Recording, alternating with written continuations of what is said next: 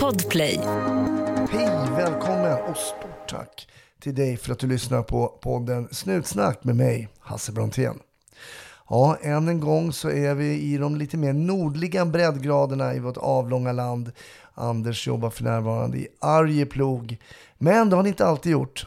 Han har 45 års tjänst. Det är ju bara att lyfta på hatten för det. Anders har ett eh, minne som sitter kvar starkt från de tidigare åren i hans karriär när han jobbade i Stockholm. Ja, är det någon skillnad att jobba i Stockholm och Arjeplog? Givetvis är det det. Du som får snart höra eh, vad det är enligt Anders själv. Bonusmaterial och ett väldigt trevligt och roligt Patreon-avsnitt med Anders hittar du på patreon.com snutsnack. Vi finns såklart på övriga sociala medier också. Jag hoppas att du tar det försiktigt där ute och också att du får en riktigt trevlig lyssning. 1310 1070 kom. 1310 Odengatan kom. Ja, det är uppfattat. Vi tar det. Slut. Bra. Klart slut. Varmt välkommen till Snutsnack Anders. Tackar, tackar. Och än en gång befinner sig podden kan man säga i alla fall eh, telefonledes uppe i de norra delarna av vårt avlånga land. Du befinner dig i Arjeplog. Arjeplog, ja. Om, för, och för den som då inte är bevandrad i geografin, var, var skulle du vilja placera Arjeplog lätt för den som har lite mer fasta Eh. punkter som Luleå eller något sånt där? Om vi tar Luleå, då är det då 25 mil västerut inåt landet. Mm. I södra Norrbotten, det ligger Arjeplog. Vi har 14 mil upp till norska gränsen härifrån. Just det. Mm. Så det är lite ute i vildmarken. Men det, det är inte så långt från min frus hemort Malå, va? Nej, nej, nej, det är inte alls långt. Nej. Man kan mala över kanske en 12-14 mil någonting. Det är inga bekymmer alls. Nej, det är, inga, Inga problem. det, är inga, det är inga avstånd där uppe. Nej, det är inga problem. Nej. Okej, men Anders, ehm, vi hann ju prata lite kort här innan vi började spela in, men jag vet att du började inte din polisiära bana i Arjeplog. Nej, när jag gick polisskolan och var klar där, då fick man välja på Stockholm, Göteborg eller Malmö. Och då valde jag förstås Stockholm, det var ju närmare norr, Norrland. Mm. Så jag gjorde mina tio första år i Stockholm. Va- Var i Stockholm jobbade du då? då? På Norrmalm, på VD1. Ja, vilka år var du där då? Från 78 till 88. Ja, det var ju precis då, för jag började ju 88 nämligen och sen började jag ju på Norrmalm sen. Så då missade vi varandra. Men vilken tur, vilken tur var det på Norrmalm då? Jag var i H-turen. Ja, det var ju H-turen ja. Så du gick ändå omlott med den beryktade A-turen då? Jo, vi gick omlott med dem, ja. För det var ju den turen som var väldigt eh, omtalad i alla fall. Sen när jag började vi, ja, det var ju där 89, men sen var jag färdig 91 och det var ju A-turen var ju alltid varit omtalad. Var den det även på din tid eller? Jo, de hade ett visst rykte, absolut. Det hade de, fast de var ju, det var ju gubbar på min station som sagt. Man kände de där herrarna. Ja. Men hur var det då att komma, jag menar du var en, en, en Norrlandspöjk liksom och så kom du ner till storstan. Hur, hur, hur var det då? Det var väl både omtumlande och intressant. Jag menar, jag kom ju från lumpen då och hade inte mycket gjort i livet innan dess. Nej. Men Sto- Stockholm var en oerhört bra lärskola. Man fick vara med om i stort sett allt som hände. Från Ja. mord och neråt. Och eh, ja, jag, jag, jag har alltid haft nytta av mina tio år i Stockholm. Och jag ångrar inte minuter inte. Nej, det var hög omsättning på jobb då.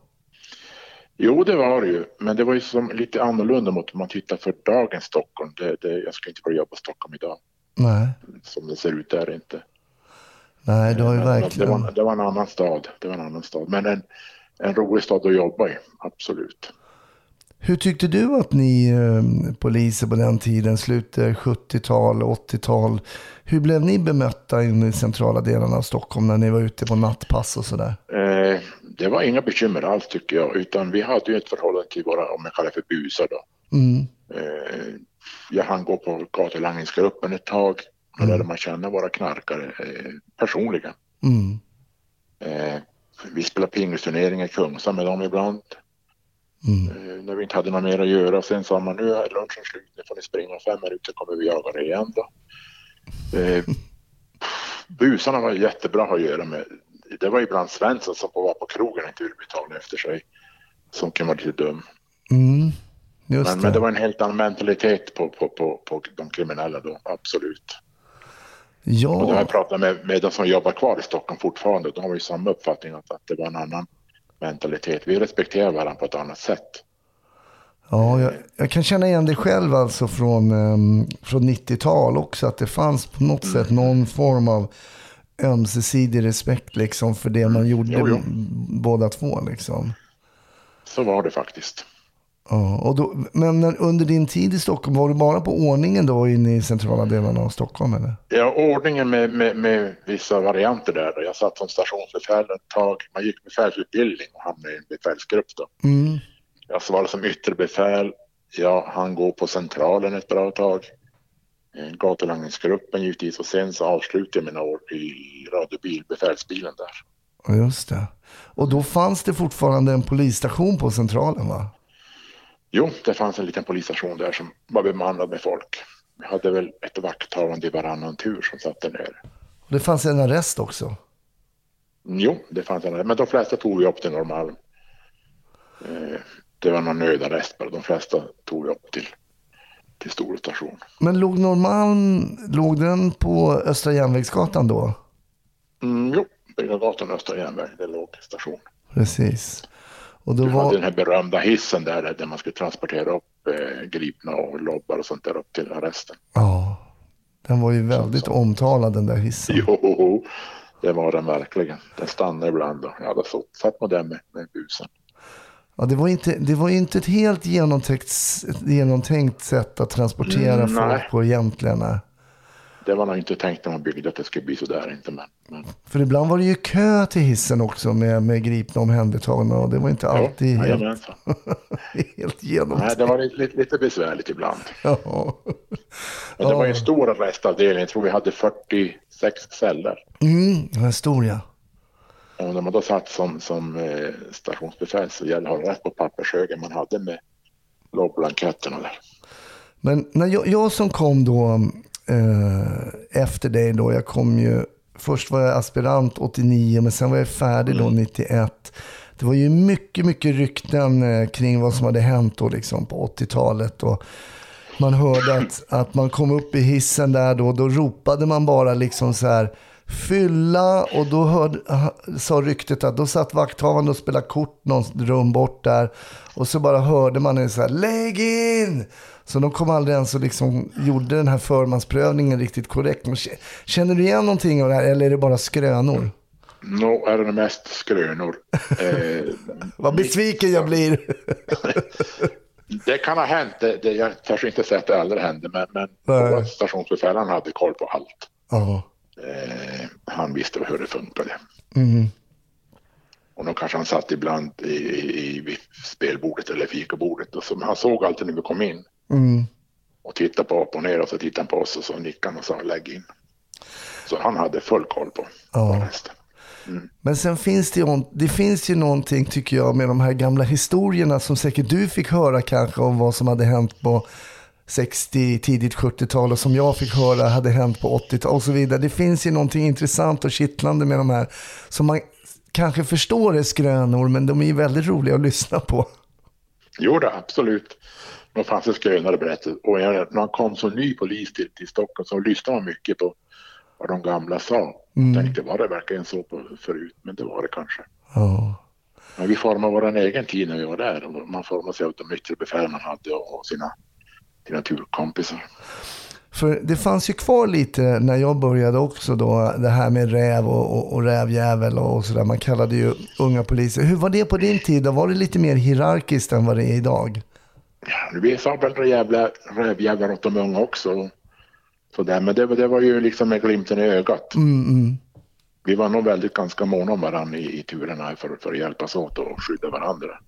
Absolut. Men, men, men jar- jargongen var ju lite speciell, det var den ju. Den skilde sig definitivt i Stockholm från Luleå till exempel. Ja, okej. Mm. Så du märkte skillnad när du bytte sen? Att, eh, Jo, det var en annan jargong. Det var Stockholmsjargong och så fanns det en Luleåjargong. Och vad, vad, Min, mindre framträdande på något vis. Stockholm var lite specifikt på sitt sätt. och var exakt är du uppvuxen någonstans då? Jag är uppvuxen i Arjeplog. Ja, du är Jag var här det. tills jag började lumpen. Ja, jag var här till jag började lumpen. Då får jag till, till A8 och sen får jag till Jönköping ett år. Ja, just det. Med tanke på att allting var inriktat för mig för att bli polis. Ja, det var så. Du hade de tankarna. Jo, jo, jo, jo, det hade jag bestämt mig när jag gick i årskurs 6 att jag ska bli polis. Jaha. Så det, allt som jag gjorde från årskurs 6 det, det liksom var med inriktning på polisjobbet. Oj, hur, kom, hur, hur kommer det sig att du så tidigt liksom hade bestämt dig för det yrket? När jag var liten grabb då var min mormor blind och då skulle jag bli ögonläkare för att hjälpa henne givetvis. Men hon fick syn tillbaka av någon anledning och då var jag nere på en, en, en, en ungdomsgård vi hade. Då kom en polis och vis- visade en film från polisskolan. Och då klackade till mig, ja det där ska jag bli. Ja. Och sen var mitt liv inriktat på att bli polis. Och så blev det också. Ja. Så blev det också, jajamensan. Och vilket år gick du på skolan då? Jag började i september 77, Ja. så det är ett tag sedan. Och hur var, hur var upplägget då, då 77? Gick man eh, ett år eller hur var det man gjorde? Nej, vi gick ju fram till, jag började september, vi gick fram till våren där. Sen var vi klara. Sen var det då två års alternering på olika rotlar i Stockholm och, och prova på. Men, men eh, jag tyckte skolan var jättebra. Det var ju praktik efter vi hade läst en massa avsnitt och så gick man ut och övade uniform. Mm. Så man fick ju ändå en, en hyfsad bild men, men nu- när du kommer ut i verkligheten sen så är det lite annorlunda. Ja, det blir ju. Det går ju liksom inte att riktigt att, att öva in verkligheten till 100 procent. Nej. Och det formas ju också av de du jobbar med, de befäl man jobbar med, hur de är, hur de har satt sina normer och så vidare. Mm. Hade du, Skolan är bra som en grund men, men, men verkligheten är lite annorlunda. ja. Hur var dina befäl då när du kom ut i H-turen? Eh, de var bra. De, de var duktiga att berätta om man hade frågor. Man hade mycket frågor när man var helt ny. Mm. Varför är vi så här? Hur ska vi göra? Hur tänker vi? Och, och de befäl jag hade hjälpte oss väldigt, väldigt bra. Det fanns väl någon avart av dem också förstås. Mm. Men, men de flesta var riktigt duktiga att ta hand om oss unga poliser. Det. Det, blev mycket, mycket, mycket jobb under eget ansvar. Mm. Absolut. Hur många tjejer var ni då på Norrmalm? Det var ett antal tjejer. Vi hade väl ett par, tre, fyra stycken i min tur i alla fall. Ja. Det fanns hyfsat med tjejer. Just det. Och jag jobbar ganska mycket med, med tjejerna. Både när man kom upp på listan en bit och sen när vi åkte radiobil så var, så var vi då ofta jag och en tjej i befälsbilen. Om inte min ordinarie kollega var med så var det en tjej som var också med där. Ett poddtips från Podplay. I podden Något Kaiko garanterar östgötarna Brutti och jag, Davva, dig en stor dos skratt. Där följer jag pladask för köttätandet igen. Man är lite som en jävla vampyr. Man har fått lite blodsmak och då måste man ha mer. Udda spaningar, fängslande anekdoter och en och annan arg rant. Jag måste ha mitt kaffe på morgonen för annars är jag ingen trevlig människa. Då är du ingen trevlig människa, punkt. Något Kaiko, hör du på Podplay. Därför är gardinerna. Och då var det, på den tiden var det givetvis eh, skinnpajen som, som gällde på Norrmalm va? Det var skinnpajen och vitt koppel, jajamensan. Ja, nej, det var tider. Ja, jag menar när jag ska börja svara i radiobil, det fick man gå upp, åka upp på Kungsholmen och få sin svarta skinnpaj. Det var ju, det var ju en milstolpe i livet. Ja, det var det va? Ja. Ja, jösses ligan, det var hur spännande som helst. Det var som riktig polis på något vis. Ja, men det var ju någonting speciellt när den där liksom, säger man gnissla eller vad man kallar när lädret liksom man böjde sig. Det, var, det Ja. kändes på något speciellt sätt. Jag vet inte, det är svårt att förklara. Och när jag skulle hämta ut min så, jag ville inte ha en ny skinnpaj. Jag ville ha en begagnad, en som hade nötts till. För de var lite stel och som du säger gnisslar bland den här nya Ja. Jag ville ha en begagnad. Jag provade många innan jag sa att den här tar jag. Ja. Och den behåller jag. Det Det var var- inte släppa den ifrån mig. Nej, det var viktigt. Det var viktigt med den där skinnpajen.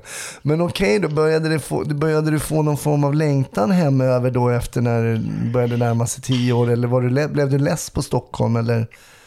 Nej, men jag hade ju alltid funderat på att bli polis i Arjeplog. Så det var liksom mitt mål. Ja, det var det. Mm. Eh, och när man började där uppe i Stockholm då, då hade man ju, fick man poäng varje kvartal och varje år.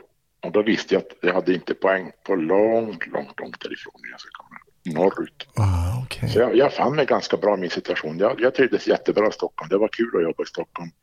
Man lärde sig oerhört mycket. Det, det var eh, en bra skola att gå i, i Stockholm. Mm.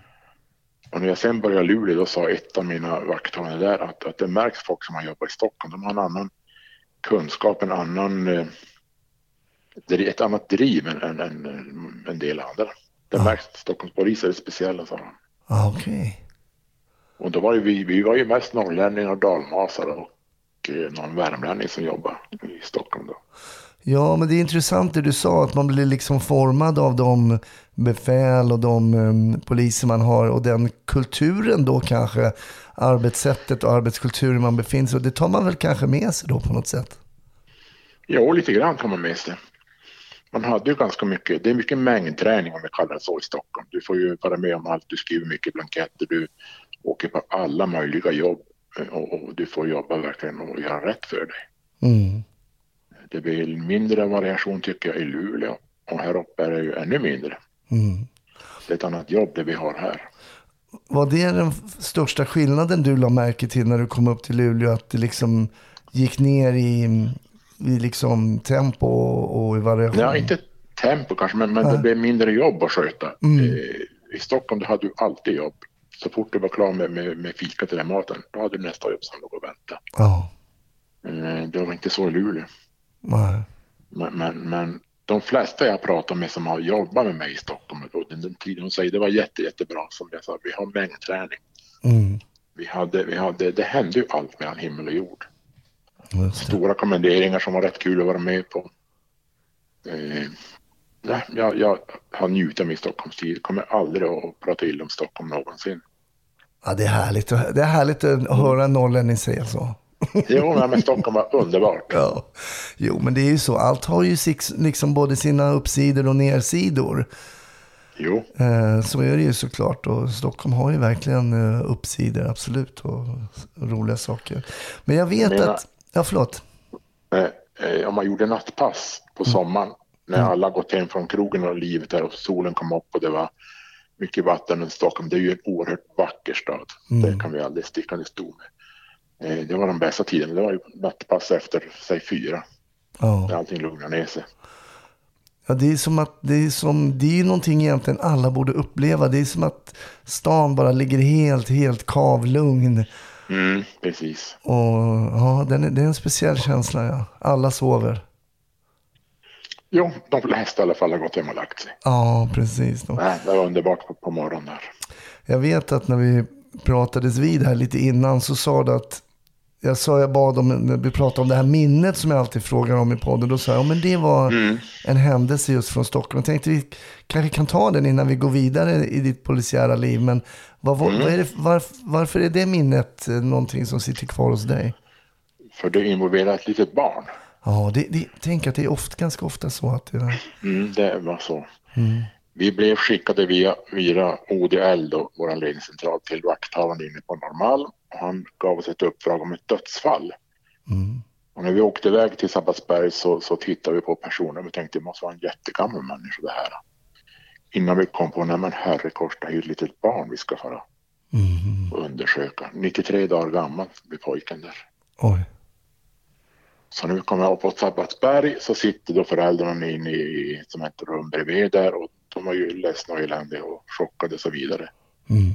Så vi frågade då personalen var ska vi gå någonstans? Då pekade de på en dörr. Och jag kände redan då att nej, nej, nej, det här vill jag inte vara med om för jag förstod att jag skulle må illa av det här. Ja. Så vi öppnade upp dörren och så var det en bänk några meter längre in. Det står en liten plastbalja med den här lille pojken i. Så jag och min kvinnliga kollega vi går fram dit och tittar ner på pojken. Han ser ut som han sover.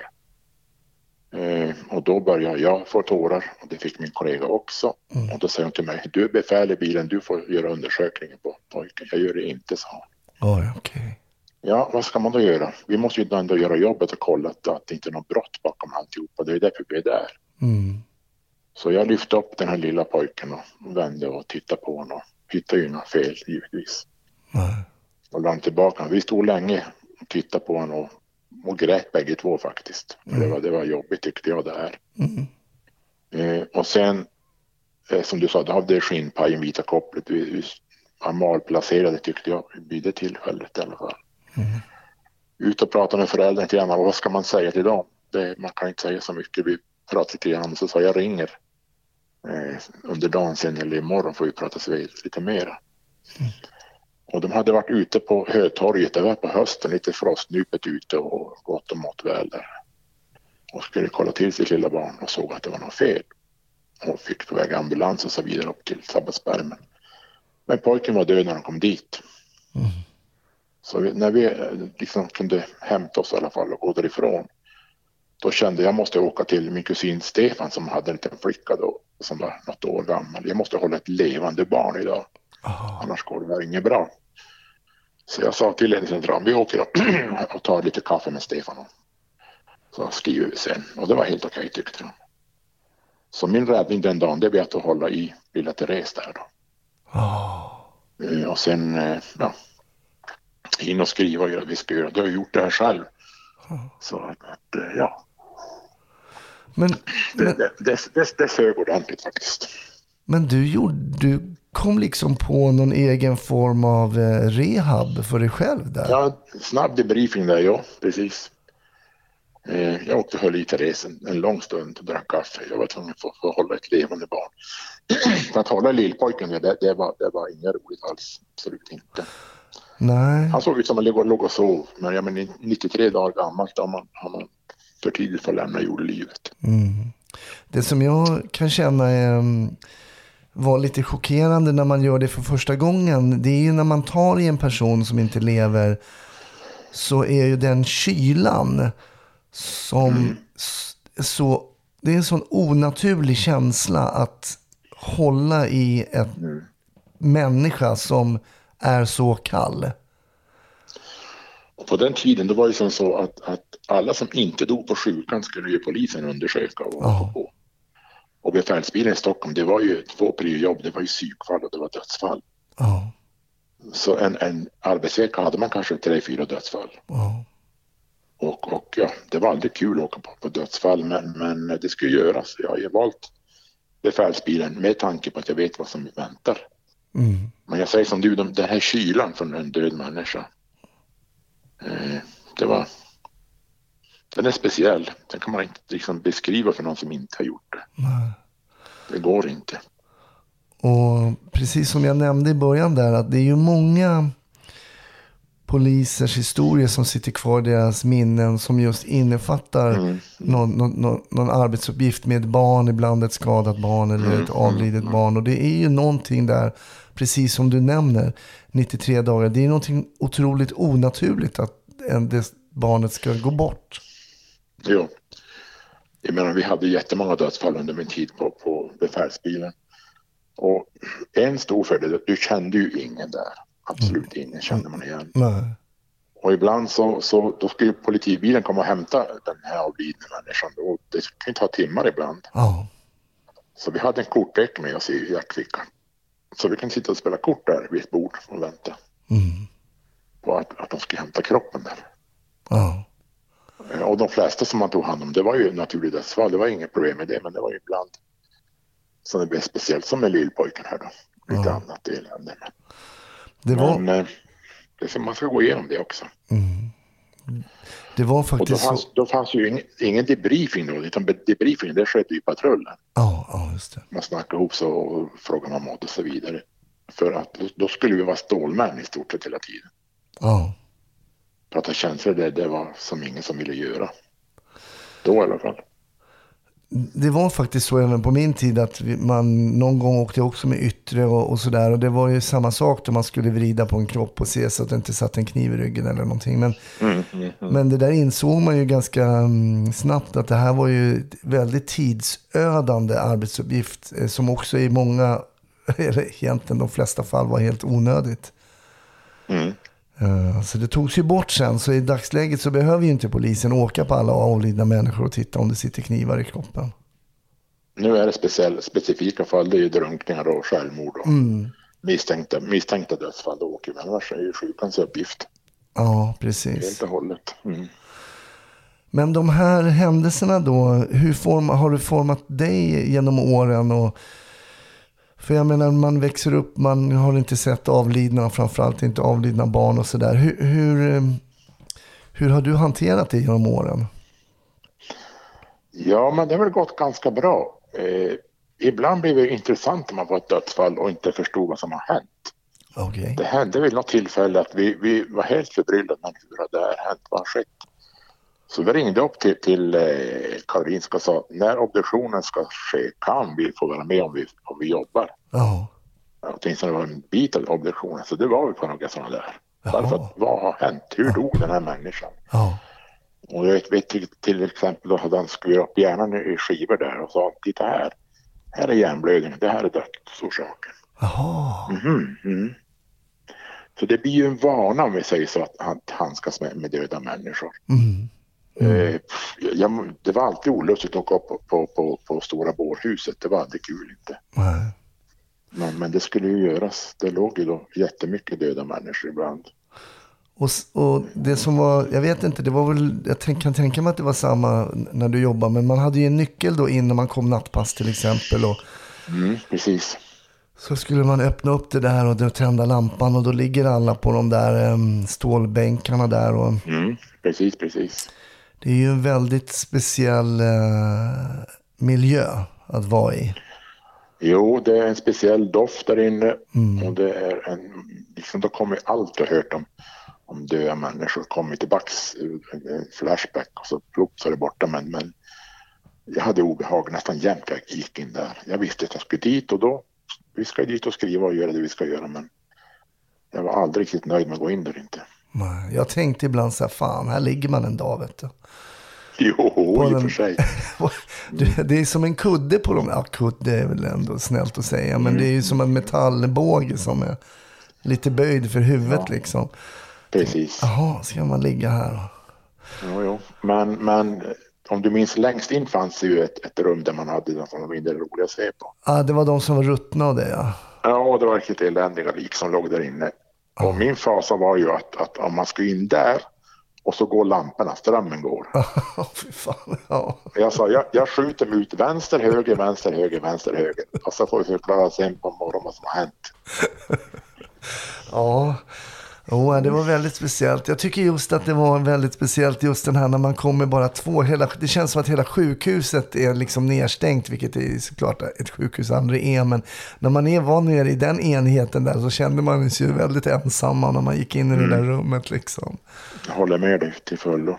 Men jag tänker också på det här med debriefing. Du sa att ni hade ingenting sånt. Men du har ju liksom jobbat alla de här åren sedan det inte fanns fram till idag att det, fa- att det finns så att säga. Och vad skulle du säga kring skillnaden med att liksom vara stålmän som du nämnde kring att idag reflektera och, och, och kring de händelser man, man är med om? Nej, men det ska ju vara så här som vi har, som vi har idag. Man ska kunna prata om sina känslor och kunna resonera. Och jag menar, vi ligger ju långt bort från kusten där, det finns debriefingmänniskor. Så vi får ju ofta debriefa oss fortfarande i, i patrullen eller i gruppen vi, där vi jobbar ihop och, och resonerar. Vad hände? Varför blev det så här? Hur, hur mår vi helt enkelt? Mm. Och det var bra.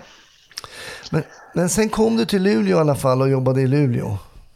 Då kom jag till Luleå 88. Jajamensan. En ny arbetsmiljö, nya kollegor och eh, ja, det tar ju ett tag att komma in i en ny grupp som det alltid gör. Men, men då är jag i alla fall ganska nära Arjeplog för det var ju det som var mitt mål från början. Ja. Då hade jag ju bara tre timmars resväg hem till Arjeplog. Mm.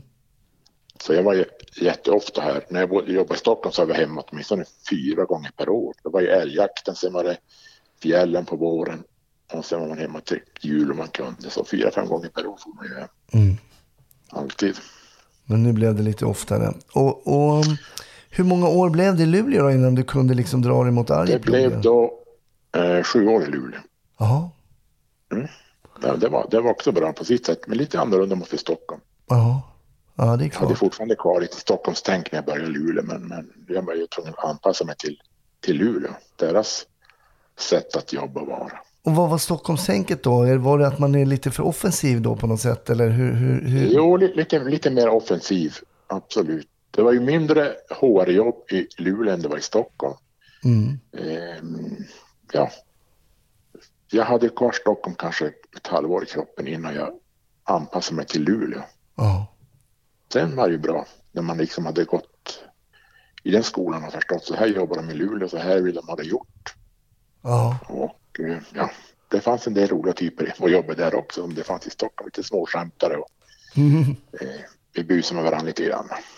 Men trots att vi då har he- helt eh, exakt likadan lagstiftning och så vidare och så vidare så blir jobbet annorlunda. Var det en annan kultur till exempel kring avrapportering och sånt också att eh, det såg annorlunda ut? Ja, inte så jättemycket. Jag menar pappersexercisen är ju ungefär samma om du jobbar i Stockholm eller i Arjeplog. Ja, Du ska fylla dina, dina blanketter och så vidare. Men, men det var ett annat litet tänk ibland på säkerhet som jag tyckte att, att man var lite vårdslös och inte säkra upp innan man gjorde det man skulle göra. Det går säkert bra. Okej. Ja, ja. I- I Stockholm det, det var ju säkerhetstänket ganska stort. Mm. Men på 80-talet då var ju bankrån nästan varje dag någonstans runt i Stockholmsområdet. Ja. Så det hade du fram din lilla Walter när man satt som passagerare. Mm. Och åkte fram på ett bankrån. Just det. Och jag, har- jag har två kollegor som har blivit beskjutna och de har berättat hur, hur de upplevde det. Det är ju en fasa av Guds nåde Ja. att bli beskjuten. ja, det är klart. Ett poddtips från Podplay. I fallen jag aldrig glömmer djupdyker Hasse Aro i arbetet bakom några av Sveriges mest uppseendeväckande brottsutredningar. Går vi in med hemlig telefonavlyssning och, och då upplever vi att vi får en total förändring av hans beteende. Vad är det som händer nu? Vem är det som läcker? Och så säger han att jag är kriminell, jag har varit kriminell i hela mitt liv men att mörda ett barn, där går min gräns. Nya säsongen av Fallen jag aldrig glömmer på Podplay. Okej då, men sen blir det i alla fall att du får eh, tjänst i din hemstad eh, Arjeplog. Jo då, jajamensan. Men fanns, fanns det inte en fasa där? Jag tänker det här med att du känner oerhört många. Det är, en ganska, det är ingen jättestor liksom, ort i Sverige. Du, de flesta vet väl vem Anders är där? Jo du, alla känner apan, så är det ju. Ja, Men, men eh, det är ju både för och nackdelar tycker jag med att, att du flyttar hem. Eh, Dels så, så är du igenkänd, du är aldrig privat någon gång. Ingen runt är du polis. ja, Och i början när jag kom hit då fick jag ju jättemycket samtal som var helt ovidkommande. Är det här en, ett bra pris på en beggad eh, video? Ja men herregud, vad har med mitt jobb att göra? men du, är poli, du, du är polis, men vet du sånt här? Nej, det vet jag faktiskt inte. Mycket sånt här. Och jag var tvungen till slut liksom att säga från. Jag, när jag jobbar då får ni gärna ringa, men nu måste jag få vara, vara ledig när jag är ledig. Men det blev mindre, men det slutade aldrig helt. Det gör inte fortfarande, så får jag ju samtal ibland hem. ja, det är så. Man blir liksom allas polis då när, i den här, på den här Ja, myndigheten. det blir ju så. så. Sent som igår kväll så ringde en kvinna till mig och ville prata. Ja, men låt dem prata då. Ja, Det är lite taskigt att säga nej. Jag bryr mig inte dig just nu, men, men prata på. Vad är bekymret? Då fick jag veta lite grann. Man kan ju få en del tips via de här samtalen också, ja, givetvis. ja. Så man måste ju sovra när man, när man hör och så vidare. Men, men, men får jag ett samtal i veckan så kanske det är normalt numera. Men då kom du ju ännu längre bort från den här Stockholmstiden när du befinner dig i Arjeplog och också bort från... Fick du än en gång liksom skola om dig lite grann som du nämnde att du gjorde i Luleå då eller? Jo, lite grann så blev det. Då var ju lite andra jobb här. Det var ett helt annat tempo här. Det är inte inflöde på radion som det är i, i Stockholm och sen i Luleå. Utan här skapar man sig ju egna uppgifter Ja, lite grann. Och, och jag har ju alltid varit intresserad av naturen så jag blev då i faunabiten där. Eh, blev faunapolis. Och det är ju mycket med jakten och, och fjällen och övervakning och sånt där som, som vi håller på med. okej. Och det är lite annorlunda. Så var inte Stockholm inte. Nej, det förstår jag. Jag tänker ju spontant liksom på tjuvjakt och sånt och kanske folk som skjuter renar som tillhör samer och allt. Att det sånt, sådana grejer finns inte så mycket i Stockholm. Nej, det var inte mycket där. Utan här är ju mycket, mycket jaktbrott. Ja, Och vad, vad, Faunabrott. berätta lite om de brotten, för det är, jag kan erkänna att jag är totalt okunnig. Vad, vad kan det vara? Det kan vara att man jagar eh, fågel från bilen, man skjuter från bilen. Så sent som för två dagar sedan fick vi in ett tips på en norsk by som hade suttit på en skogsväg och en kille kommer och kör bakom dem och ser en hagelbössa sticka ut och så smäller. Okej. När de såg att- de var upptäckta då drog de iväg givetvis från platsen. Han konfronterade dem sen inne på samhället med de blånekar till någonting. Så att det skrevs ett under på det här och jag skickade då, jag ringde tullen i, i norsk, på norska sidan. Den här bilen är intressant, de har gjort si och så. De var i Arjeplog igår kväll, kolla om bilen kommer tillbaka till Norge och stoppa och kolla vilka människor som är i bilen. Ja, Så vi har ett jättebra samarbete med tullen i, i, på norska sidan. okej. Så ja, man får alltså inte skjuta från sin bil? Nej, då pratar vi grovt jaktbrott, då pratar vi sex månaders fängelse, max fyra år. Ja, är det så pass alltså? Mm. Man beslagtar fordon och vapen och licenser och rubbet så åker de i fängelse. Och det är för att de inte ska kunna åka runt och liksom bara panga från bilen då? Är det för att det ska, de tycker att det är mer effektivt att åka runt i bil? Alltså jag är totalt okunnig när det kommer till jakt. Jo, men det, det är ju mycket mer effektivt när du sitter skyddat i ett fordon. Du lämnar ingen vind som de kan lukta på eller, eller få någon, någon indikation på att nu händer någonting. En tjäder går i sitt lilla dike där så smäller det. Så hackar man in tjädern fort i bilen så åker man vidare. Ja, Okej, okej, okej. Så att, att det förekommer en hel del. Och då kan vi räkna hela fjällkedjan ner mot Dalarna överallt. Så, så förekommer de här dumheterna. Men då är ju det här med, med, med, med vi ska bilda patrull först och främst och lösa de jobb som kommer in.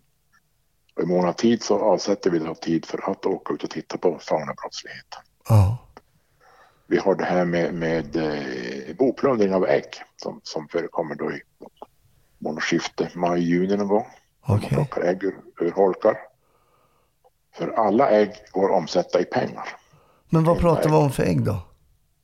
Alla ägg, alla fågelägg går att omsätta i pengar. Alla, jaha, okej, hur går det till? Tar, ja, men det finns en, en, en, en dold marknad på internet bland annat och så vidare där man byter ungefär som frimärkssamlare. Jaha. Jag vill ha alla ägg från, från eh, vadare. Ja, men då samlar jag på mig de här äggen. Och ägg då skickar jag ut en förfrågan. Finns det någon som har en strandpipare? Jo, det finns. Jaha. Och så får man kontakta varandra och, och, och eh, pröjsa. Alltså det är otroligt att det finns en Och marknad klart. för det. Ja, och de här gråsparvarna är ju billigare än, än, än, än kungsörn till exempel. De betingar ju sanslösa priser ibland. Men man, man behåller liksom bara själva ägget då? Jo, man, man pickar hål och blåser ut innehållet och så samlar man ägg då. Eh, Ja, som frimärkssamlare gör ungefär. Man har en komplett samling av vadar, man har en komplett av ja, rovfåglar. Det, det är en jättemarknad ute i, i världen. Herregud, jag hade ingen aning om att det existerade ens. Nej, det, det är... eh, Och det här kom jag på runt 2010. Då skulle vi upp och hjälpa norska polisen med ett, ett större narkotikaärende. Och då kom vi upp ett tyskt par från en bäck uppe efter vägen upp mot Norge. Så vi pratade med dem och kollade dem. Mhm. Och de hade satt upp holkar sa de. Och då hade de 20 holkar i bilen. Så då ringde jag tullen. Kolla de här. Jo, de hade 20 holkar och en karta över Lofoten med kryss på. Och sen så pratade jag med en norsk högt uppsatt polis som höll på med faunaansvar i Norge. Mhm. Och det här paret var välkänt för honom och alla poliser ute i Europa. De lever enbart på att plocka fågelägg. Ja, men du skämtar. Nej, de lever enbart på det. Otroligt. Och då pratade han berättade om jaktfalk. Det är en sån här fågel som man kan driva upp till, till kycklingar. Och så går han vidare till typ Saudiarabien där man har falkeneringskonster med dem. Då. Just det, mm, ja, det, det känner jag De är, till. inte, ja, de är inte byggda kanske vid det klimatet så det omsätts ganska mycket de här. Då. Och du, du, du, för ett, ett, ett perfekt ägg kan ju få miljoner kronor. ja, men det är helt otroligt. Det är den prissumman vi pratar om. Jo, det är helt sanslöst. Hmm. Eh, Och risken att åka dit är ju inte stor när man far upp i fjällvärlden och, och, och vittjar äggholkar. Nej. Det går fort att stoppa ner handen i med en stege och plocka ner ägg. Snacka, snacka om skillnaden att åka hissen på Norrmalm Jo, du. Och, och, Ja. och liksom eh, med så här fauna-brottslighet. Ja, det är verkligen som två olika världar nästan. Det är, jag säger, det är två olika världar att jobba här uppe i Stockholm. Ja. Jag vill inte vara utan någon av de här världarna, absolut inte. För det, det, det har gett mig så mycket i Stockholm, men det här ger mig också mycket det här. ja. Vara hemma. För jag är ju så okunnig så jag tänker mer på att någon skjuter en älg liksom som man inte får skjuta och sådär. Alltså, Jo, jo, det händer också, absolut. Så är det så. ja. Vi Hur- hade för ett antal år sedan en händelse. De var och sköt två älgar eh, inne på grannmarken där jag jagade. Mm. Och det uppdagades av en av de som jagade på den marken. De här flydde i panik ner till Västerbotten, la sig under presenning och tänkte emigrera till Kanada veckan efter för att komma- undkomma straff. Eh, Men jag ringde och sa till de här pojkarna, jag vet vad ni har gjort. Eh, Vi syns på station klockan två idag. Så dit kom två lom, Alltså, de kom. hörda pojkar. Jajamän, de kom in till station så gjorde vi klart. Ja. Ja, det Och det är fördelen också när du, när du känner allt och alla i en liten ort, både på gott och ont. ja, ja, jag fattar. när- när vi har tragiska olyckor, ja men då känner du kanske den som har omkommit, du känner anhöriga. Mm. Och det är också en styrka när du känner alla inblandade. Du kan ordna ett skyddsnät runt anhöriga. Fixa dit, eh, skjutsa och hjälp till dit samlingspunkten blir. Ja. Eh, ta hand om dem, koka kaffe åt dem. Så att de kommer igång och får sitt skyddsnät att fungera. Då lämnar vi Mm. och låter dem ta hand om sig själva. Ja. Så man blir mer personligt engagerad i, i, i dödsfall och olyckor här än jag var i Stockholm. Ja. Ja, där, du, du nämnde det, att där kände du ju inte någon av de äldre som... Nej, nej, nej, nej, det kände vi aldrig någon som, som, som vi tog hand om där, absolut inte. Men jag tänker på den här sexåriga Anders då som bestämde sig tidigt att nej, men polis, det är det yrket jag ska... Om du tittar tillbaks nu, för nu om vi ska vara helt krassa så du har inte så, många, så lång tid kvar i yrket va? Nej, tyvärr. Ja. Jag älskar mitt jobb och det finns inget bättre än det här jobbet inte. och, eh, när vet du när du kommer gå i pension då? Har du någon koll på det? Ja, jag tänker gå till 68 om, om, om jag orkar och kan. Absolut. Och hur gammal är du idag? 65. Ja, så det är tre år till då. Så du är lite med, med vemod då, då som du ser att det måste lämna? Jo, absolut. Det blir ingen rolig dag när man går hem för sista gången därifrån. Ja. Jag brukar säga, jag slår fast mig i hamburgerelementet så får ni bära ut mig ifrån. Så har de sagt, du blir hungrig förr eller senare, då tar du lös själv, det ordnar du på eget, eget bevåg. Men, ja, precis. Men frågan jag skulle ställa då om den här sexåriga Anders då, som idag är betydligt äldre än sex år. Är, är han nöjd med sitt beslut? Eh, som han ändå tog i kanske en ålder när man inte eh, har totalt konsekvenstänk och så vidare. Mm, jag är nöjd med beslut. Ja, det är det. Ja, Jag skulle göra om samma beslut igen om jag skulle ja det är så. Det är så. Ja, jajamensan. Alltså, det berikar en ganska mycket. Det, det är mycket som är jäkligt roligt med jobbet. Ibland är det tragik och elände, men för det mesta är det ju så jäkla kul att jobba som polis. Ja, Du får så mycket tillbaka och du kan ge tillbaka till människor också. ja, När, när du kan hjälpa någon, om vi har ett eftersök, försvunnen person, när du hittar åt människan och, och han lever eller hon lever, du får lyfta med helikoptern och flyga till, till sina anhöriga som står och väntar. ja, Då, då, då mår man ganska bra inombords faktiskt. ja. Mm. Så hjäl- hjä- hjälpande handen är, är jätteviktigt att, att vi finns där och eh, kan fixa saker och ting för folk. Ja, men det är någonting, eh, jag tror jag har nämnt det tidigare, det är någonting oerhört berikande för en själv att faktiskt hjälpa andra människor. Det är någonting som jag ibland kan sakna i det jobbet jag har idag. Att inte det här klassiska hands-on direkt, men det, det, var, det var fantastiskt. Alltså, hade inte jag varit på jobbet i, igår så kanske inte den här personen hade varit i liv idag. Det är ju en Nej, väldigt stor, eh, stor sak man har varit med om då. Absolut. Eh, och det kanske inte framkommer så ofta i media, just den här hjälpande biten. Nu är det mycket man, man fokuserar på våld och, och bråk och poliser och så vidare. Ja. Men det är en liten del av det vi gör. Det mesta är ju faktiskt rutinjobb, vardagsjobb och vi hjälper folk. Ja, det var egentligen syftet med att jag startade igång den här podden också, att försöka beskriva vad poliser egentligen gör om dagarna. Det är ju inte det som står i tidningarna, utan det är ju så, så otroligt mycket mer. Mm, absolut. Ja, okej, men då har du tre år kvar och vad gör du de här sista tre åren då? Vad sitter du på för tjänst nu? Just nu har jag bytt inriktning. Jag jobbar på brott i nära relation. Okej. Eh, eh, och det ska vara fram till våren. Det är kul att prova nytt i alla fall. Ja, Men då har vi våran huvudort, är ju då Luleå. Där sitter våran gruppchef och de andra i gruppen. Så det är jag och en som heter Tina här på station som jobbar med brott i nära. ja, Och du ju självgående, du får ju kontakta advokater och åklagare och allt det här. Så får du boka förhör med misstänkta. De finns ju ofta nere i kusten då, givetvis. ja, Men, men eh, det våld som utövas mot, mot, mot barn och kvinnor är lite mer än jag trodde faktiskt. ja, Och än en gång det här med när barn kommer i kläm. Jag vet att det, det kommer komma filmer jag ska titta på när barn blir utsatta för, för våldtäkter och så eländes elände. Och jag, jag bävar för den dagen jag ska titta på en sån film. ja, Men jag måste ju titta på den kanske och titta, finns det några nya brott? Kan vi identifiera någon här? ja, Och så vidare. just det. Och så när vi då blir barnförhör då finns det speciellt utbildade förhörsledare. Ja. Och det är jag glad att jag slipper hålla förhör med något barn.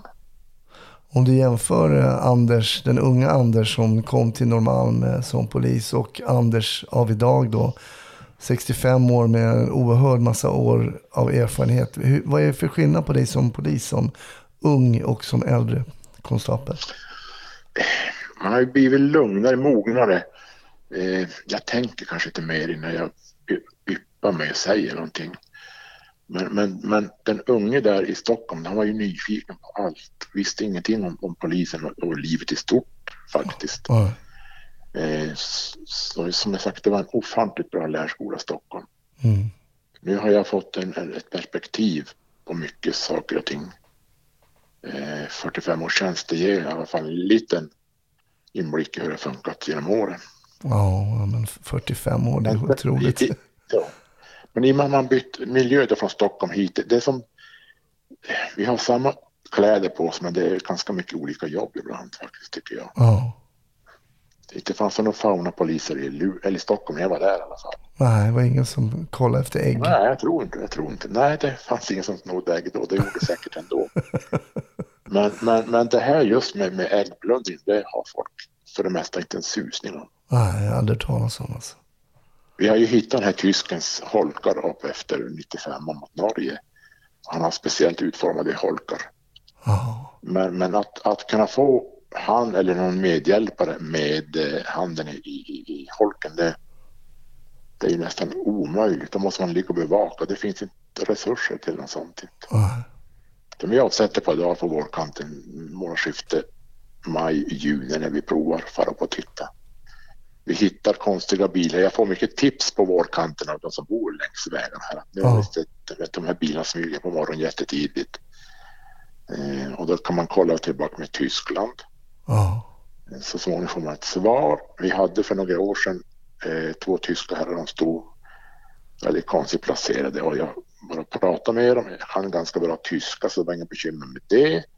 Så var vi få en koll tillbaka mot Tyskland och jag fick svar i september och det är lite för lång handläggning på något vis. mhm. Mm. Ja, den är tuff. Den måste man kunna snabba på och få besked. Och då frågade jag, får jag ringa till Tyskland själv? Nej, det får du inte. Du måste gå formella vägarna via då. Ja, IPO i Stockholm så ska det skickas förfrågan och så. nej, ibland tar saker och ting alldeles för lång Jo, jo. Ja. Men jag tänkte jag odla en kontakt på tyska sidan som kan slå register. Det fick jag inte göra. Det var inget bra. Nej, nej, okej. Då är det så. Ja, men nu ska vi hoppas att de här tre åren fram till 68, att så man ska man vara frisk och kry också och sådär. Det är det. Jo, precis. Jo, jo, då märker man det att, man är, är, är, är 65. Jag menar, i huvudet är jag 35 ungefär. Men Ja, lite ibland sakta går det ibland och lite stelare blir man ju. Men, men, men. Hoppas jag håller tre år till. ja, det hoppas vi. Alltså, stort tack Anders. Vi ska prata vidare lite i ett avsnitt på Patreon också, men jag säger Just nu säger jag stort tack verkligen för att du ville vara med i ett avsnitt och berätta om din eh, polisiära tid som har varit väldigt intressant. Tack Anders. Inga problem. Du är så välkommen. Så.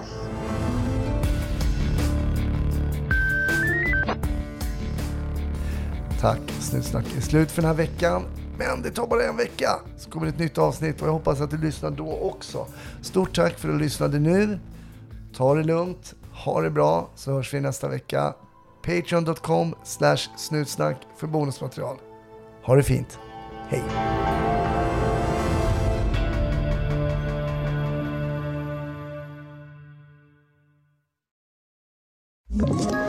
Ett poddtips från Podplay. I fallen jag aldrig glömmer djupdyker Hasse Aro i arbetet bakom några av Sveriges mest uppseendeväckande brottsutredningar. Går vi in med hemlig telefonavlyssning och, och då upplever vi att vi får en total förändring av hans beteende. Vad är det som händer nu? Vem är det som läcker? Och så säger han att jag är kriminell, jag har varit kriminell i hela mitt liv men att mörda ett barn, där går min gräns. Nya säsongen av Fallen jag aldrig glömmer på Podplay.